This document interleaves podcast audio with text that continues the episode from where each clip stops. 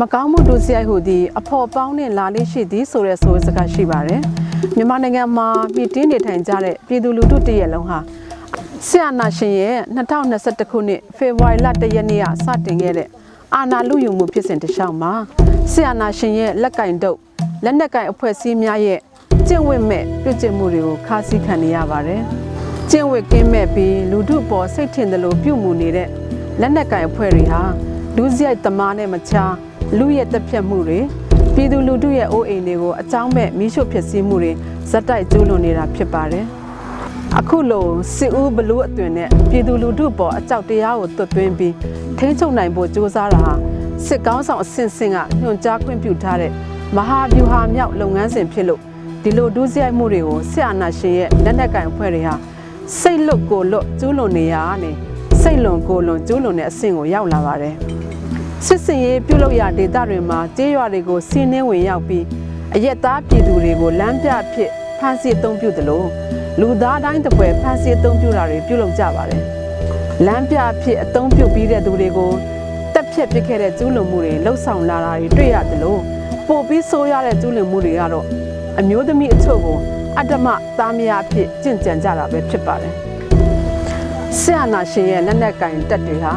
စစ်ရေးနဲ့တက်ဆိုင်ခြင်းမရှိတဲ့ဒီလိုဆက်ဆုပ်ဖွယ်ရာဒုစရိုက်မှုကိုလွန်ကျူးပြီးကျူးလွန်မိလာတဲ့သဘောကတော့ခိုးဆိုးလူသက်မြင်းမြင်းကြရာဖြစ်စည်းဖြစ်တဲ့ဒုစရိုက်လုပ်ရက်တွေကိုလုပ်ငန်းတာဝန်တည်းရဲ့အဖြစ်ကျင့်သုံးနေတာဖြစ်တဲ့အတွက်ဒုစရိုက်ဟူသည့်အဖော်ပေါင်းနဲ့လာတယ်လို့မဒိမှုကဲ့သို့သောကျူးလွန်မှုမျိုးကိုပါအလွယ်တကူကျူးလွန်လာတဲ့သဘောပဲဖြစ်ပါတယ် ဆရာနာရှင်ရဲ့လက်နက်ကင်တက်တွေဟာစစ်တီတော်ကျင့်ဝတ်နဲ့ပတ်သက်ပြီးဘလို့ပဲပုံဆောင်ထင်းကြောင်းအမြဲကာဝယ်ပြောဆိုနေပေမဲ့နိုဝင်ဘာလအတွင်းကချင်းပြည်နယ်တီးတိမ်မှာစစ်ကောင်စီရဲ့တပ်ဖွဲ့ဝင်တွေကျူးလွန်ခဲ့တဲ့မရင်းမှုကိုကြည့်မယ်ဆိုရင်အံ့ဩထိတ်လန့်ပွဲတွေ့ရှိရမှာဖြစ်ပါတယ်။ကျင်းဝင်းနဲ့ပတ်သက်ပြီးအပြောကြီးလာတဲ့အာနာရှင်စစ်ကောင်စီရဲ့တပ်သားတွေဟာကမ္ဘာလူအဖွဲ့အစည်းတစ်ခုလုံးကဆက်ဆုပ်ယွန်ရှာပြီး gang rape လို့ခေါ်တဲ့အုပ်စုလိုက်မရင်းကျင့်တဲ့ကျူးလွန်မှုကိုလှုပ်ဆောင်ခဲ့တာဖြစ်ယုံမက အဆိုးအဆုံးဖြစ်ရကတော့အဆိုပါအမျိုးသမီးကိုသူမရဲ့ခင်ပွန်းရှေ့မှာလည်းအတ္တမပြုကျင့်ခဲ့တာပါပဲတကယ်တော့အာနာသိမ့်မှုရဲ့နောက်ဆက်တွဲခုခံစစ်ကာလအတွင်းစစ်မှတ်ဖြစ်ပွားရဒေသတွေမှာအခုလိုဖြစ်စဉ်တွေဖြစ်ပျက်နေတာမှန်ပေမဲ့အလားတူဒုစရိုက်မှုတွေကိုဆရာနာရှင်ရဲ့လက်နက်ကင်တပ်သားတွေဟာတဦးချင်းတော်၎င်းအုပ်စုလိုက်တော်၎င်းတိုင်းရင်းသားဒေသခံအမျိုးသမီးတွေပေါ်မှာလိန်အမျက်ထုတ်တဲ့ဖြစ်စဉ်တွေမဒိန်ကျင့်တဲ့ဖြစ်စဉ်တွေဟာ မဝေးသေးတဲ့အတိတ်ကာလထဲမှာပဲမကြာခဏဆိုသလိုဖြစ်ခဲ့တာပါ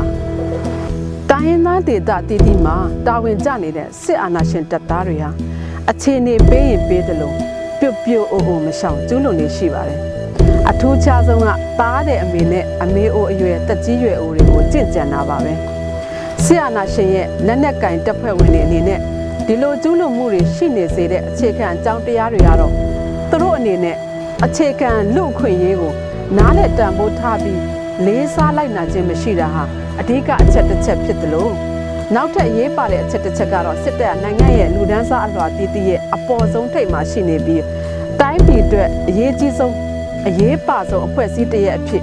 ခံယူထားအောင်တွင်တင်ထားခြင်းခံထားရတာပဲဖြစ်ပါတယ်။ဒါကြောင့်ပိုပြီးအခွင့်အရေးယူခြင်းစိတ်အမြဲအားလုံးအပေါ်မှာအနိုင်လိုခြင်းစိတ် အဲ့ဒီကမှအနိုင်ကျင့်ခြင်းစိတ်တွေပေါက်ဖွာလာတာပဲဖြစ်ပါတယ်။အာနာရှင်စစ်တပ်ဟာကိုယ့်အတွက်ကျင့်ဝတ်တွေစီကတ်တွေအများကြီးချမှတ်ထားပေမဲ့